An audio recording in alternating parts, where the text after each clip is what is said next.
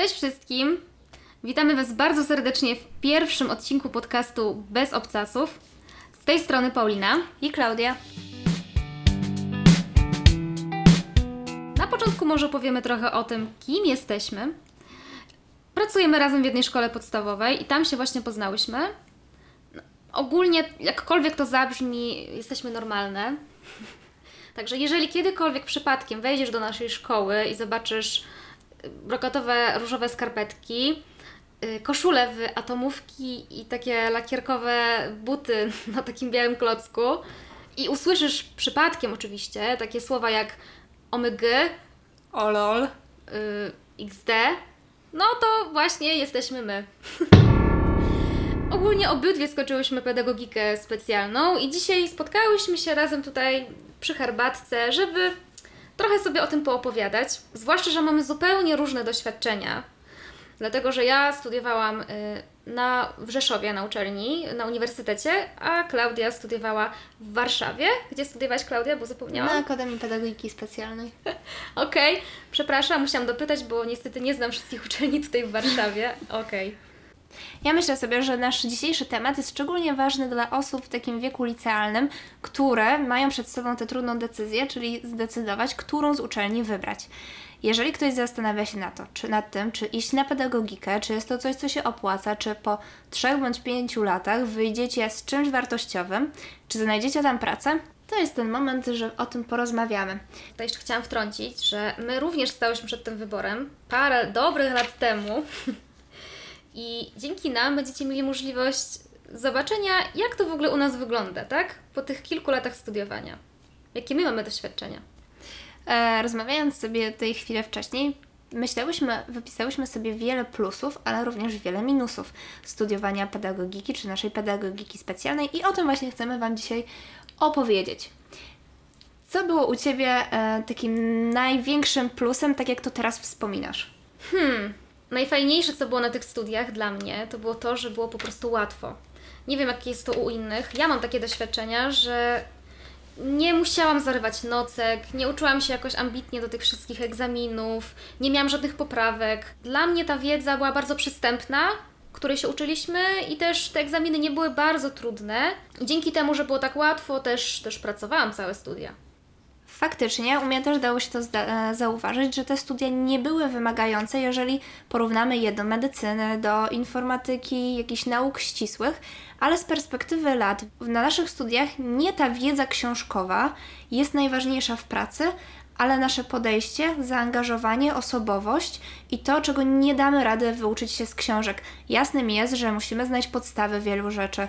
E, wiemy skąd te zachowania dzieci czy dorosłych, jeżeli ktoś pracuje z dorosłymi, skąd one się wywodzą. To wszystko musimy wiedzieć. Jednak to jest taką podstawą i taką bazą tą dolną, a cała nasza praca jest, e, składa się z naszego doświadczenia, zaangażowania i z naszej osobowości. I tutaj chciałam wtrącić, że bardzo istotne jest też, czy jesteśmy cierpliwi.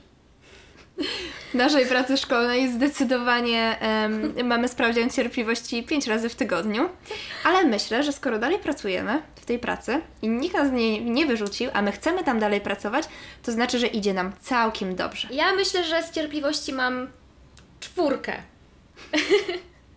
Ja daję Ci nawet czwórkę z plusem, jak Cię o, obserwuję. Dziękuję. E, to, że my tą cierpliwość mamy, choć jesteśmy wcale nie tak długo po zakończeniu studiów, to też wiąże się z tym, że wiele naszego doświadczenia nabyłyśmy podczas studiów. Nie wiem jak u Ciebie, ale u mnie te zajęcia nie trwały od rana do wieczora. Było ich e, nie aż tak dużo, dlatego że wiele godzin mieliśmy jako praktyki i ten czas mogliśmy wykorzystać właśnie albo korzystając z tego, że możemy odbywać praktyki, lub po prostu idąc do pracy. Więc kolejną fajną rzeczą podczas studiowanej pedagogiki jest to, że e, możemy poświęcić wolny czas, którego jest uważam więcej niż na innych kierunkach, na to, żeby się doskonalić. Przy okazji pracy dodatkowej na studiach chciałabym wtrącić swoje trzy grosze. Nie róbcie tego błędu, który ja zrobiłam. I bardzo rozważnie, z taką dużą świadomością podejmujcie dodatkowe prace. Ja tak mogę z własnego doświadczenia powiedzieć, że prace, które ja wykonywałam na studiach, nic nie wniosły do mojego życia. Co w takim razie proponujesz? Myślę, że warto przede wszystkim wypisać sobie na przykład, tak? W czym jestem dobry? co lubię robić, jakie mam umiejętności lub co chcę robić w przyszłości.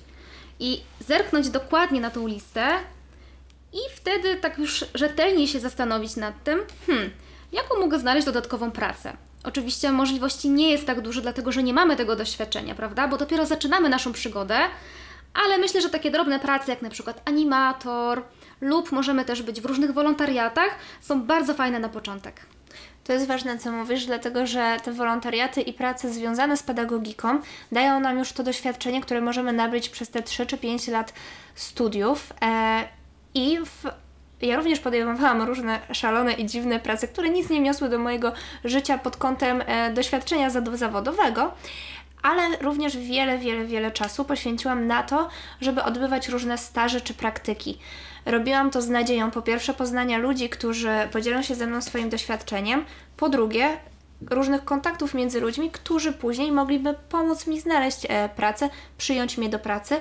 I to uważam za najcenniejsze, że te 5 lat mam poczucie, że faktycznie robiłam różne prace dodatkowe, ale miałam też czas na to, by odbyć mnóstwo wolontariatów i staży.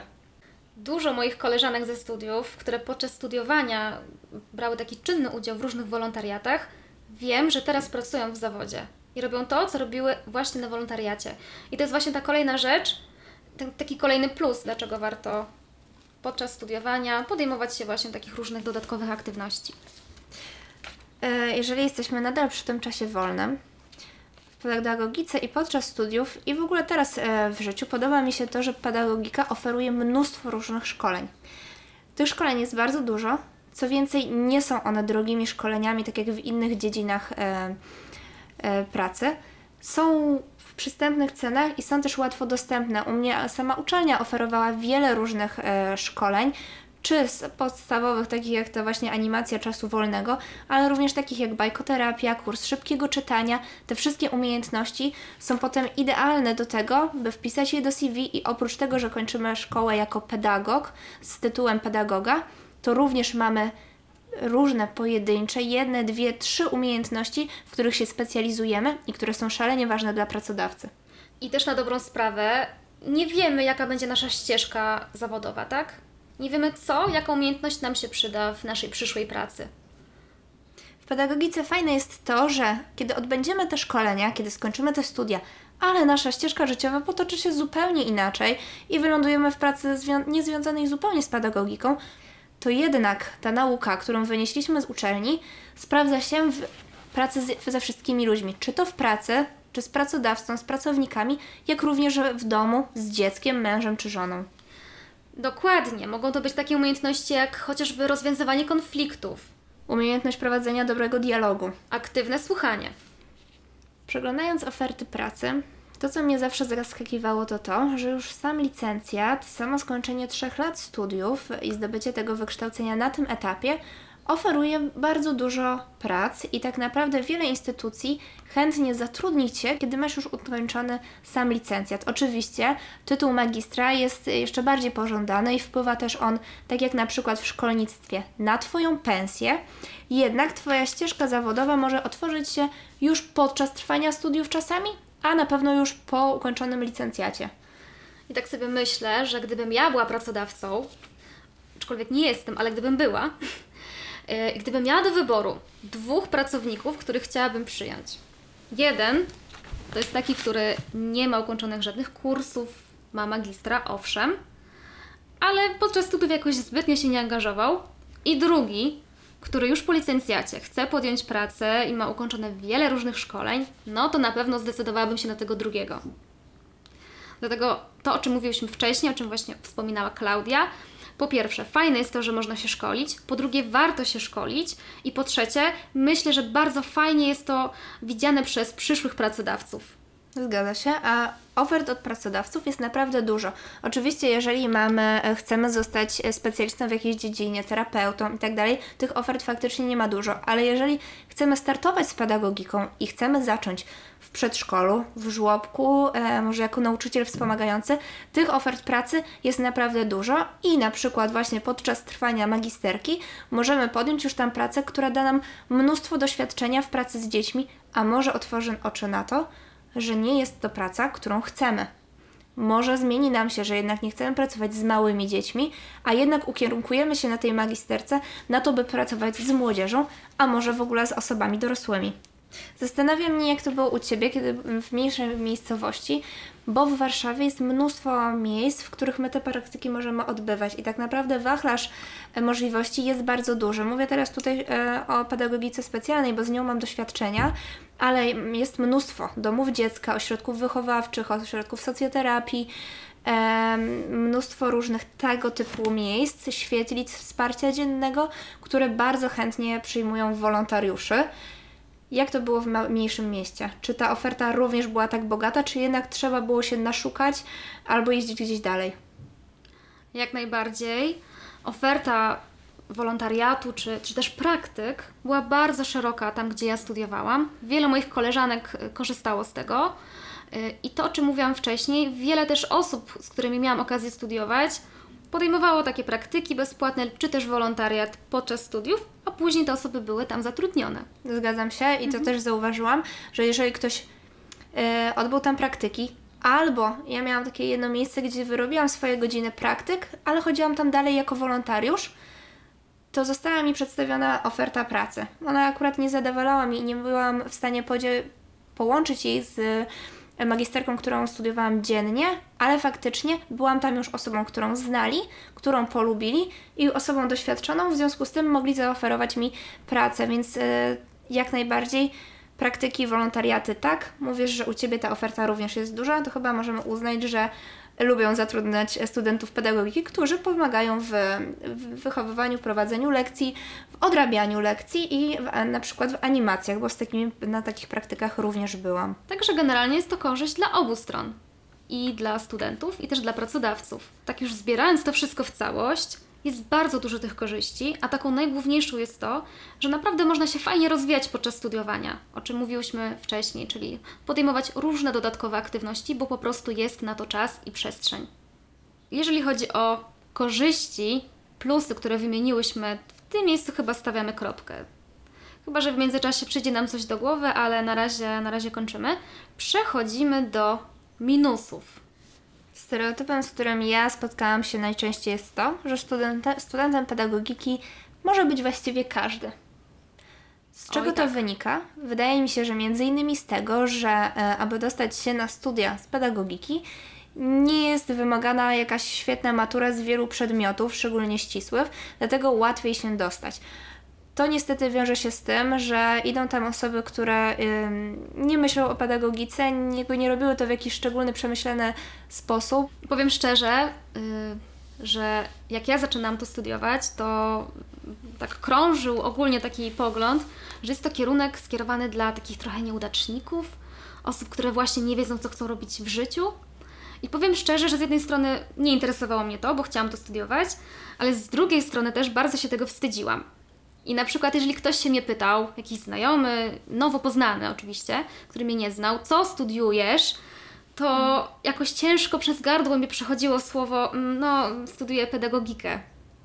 Dlatego, że bardzo się bałam tej krytyki, że ten ktoś powie, ojej, serio?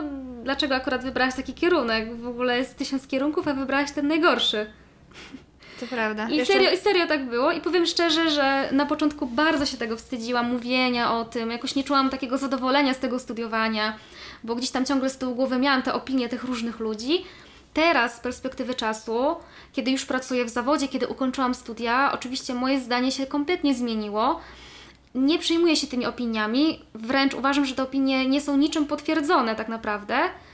Yy, nie są też ważne, przede wszystkim nie są czymś ważnym dla mnie, dlatego, na ten mom- dla- dlatego że na ten moment dla mnie coś innego jest zupełnie ważne, tak? Żeby się rozwijać, żeby dobrze pracować w swoim zawodzie, a nie to, że ktoś tam gdzieś kiedyś mówił o tym, że jest to kierunek dla nieudaczników i ja sobie o tym tak myślę. Albo dla ludzi, którzy nie mają na siebie pomysłu. Choć y, nie dziwię się takiej opinii, bo patrząc na moją grupę na studiach, myślę, że 3 czwarte osób nie wykazywało żadnego zainteresowania ani na zajęciach. E, praktyki robili w sposób, w których nie powinno się ich robić. I tak naprawdę teraz pracują w zupełnie innej dziedzinie, więc ja się pytam po co? I czy naprawdę nie mieli pomysłu innego, jak spędzić te 5 lat? No i właśnie to jest ten kolejny minus, o którym chciałyśmy mówić, porozmawiać. Yy, czyli bardzo często, nie mówimy, że zawsze, tak? Bo nie chcemy tak generalizować, ale bardzo często jest tak, że jest to taka zbieranina ludzi. Czyli faktycznie, owszem, są osoby, które bardzo poważnie do tego podchodzą, które, Tak bardzo, jak my.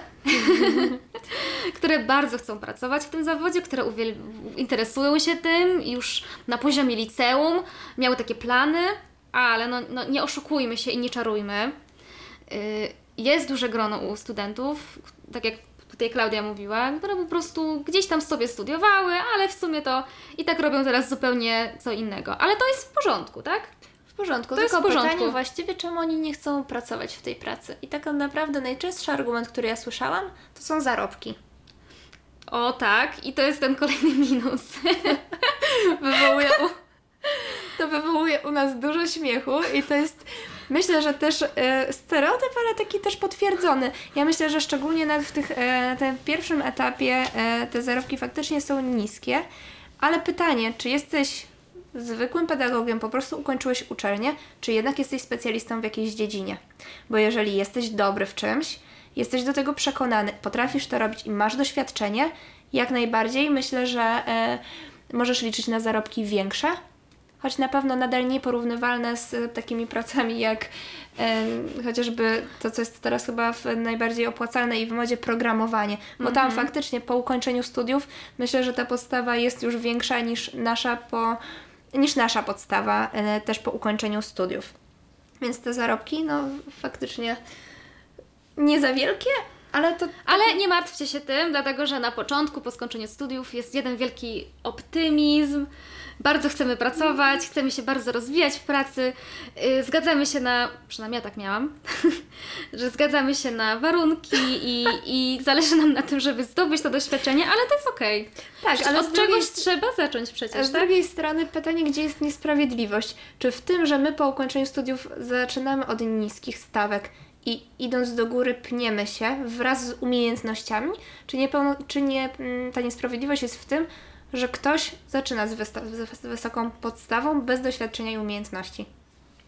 O matko, To to, ja, jakie to jest zagmatwane teraz? Znaczy, jakby problem w tym, że e, po pedagogice te prace są po prostu w, mm, państwowe, nie w firmach prywatnych, bo jeżeli chcemy pracować w firmie prywatnej, to jak najbardziej możemy się licytować o stawkę, możemy wy, wymagać e, większego i nie jest to czegoś więcej, nie jest to uwarunkowane jakimiś przepisami, bo tak naprawdę w szkole nie będę się licytować z panią dyrektor, że ja chcę zarabiać więcej, ponieważ jest to konkretnie określone w warunkach i każdy zarabia na tym stanowisku tak samo, zależnie tylko po prostu na przykład od wykształcenia, tak jak mówiliśmy wcześniej. I od awansu zawodowego. Myślę, że nie warto się tutaj zrażać. Ja generalnie ze swojego doświadczenia mogę się podzielić tym, że mi na początku nie przeszkadzały bardzo te zarobki, dlatego że bardzo liczyło się dla mnie to doświadczenie.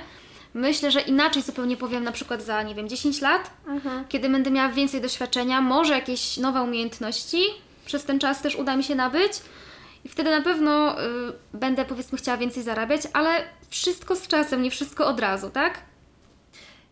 Y, Jeżeli chodzi o pracę, o zarobki, do tego jak o to e, podchodzimy i jaki mamy wachlarz możliwości, ważna jest tutaj nasza osobowość.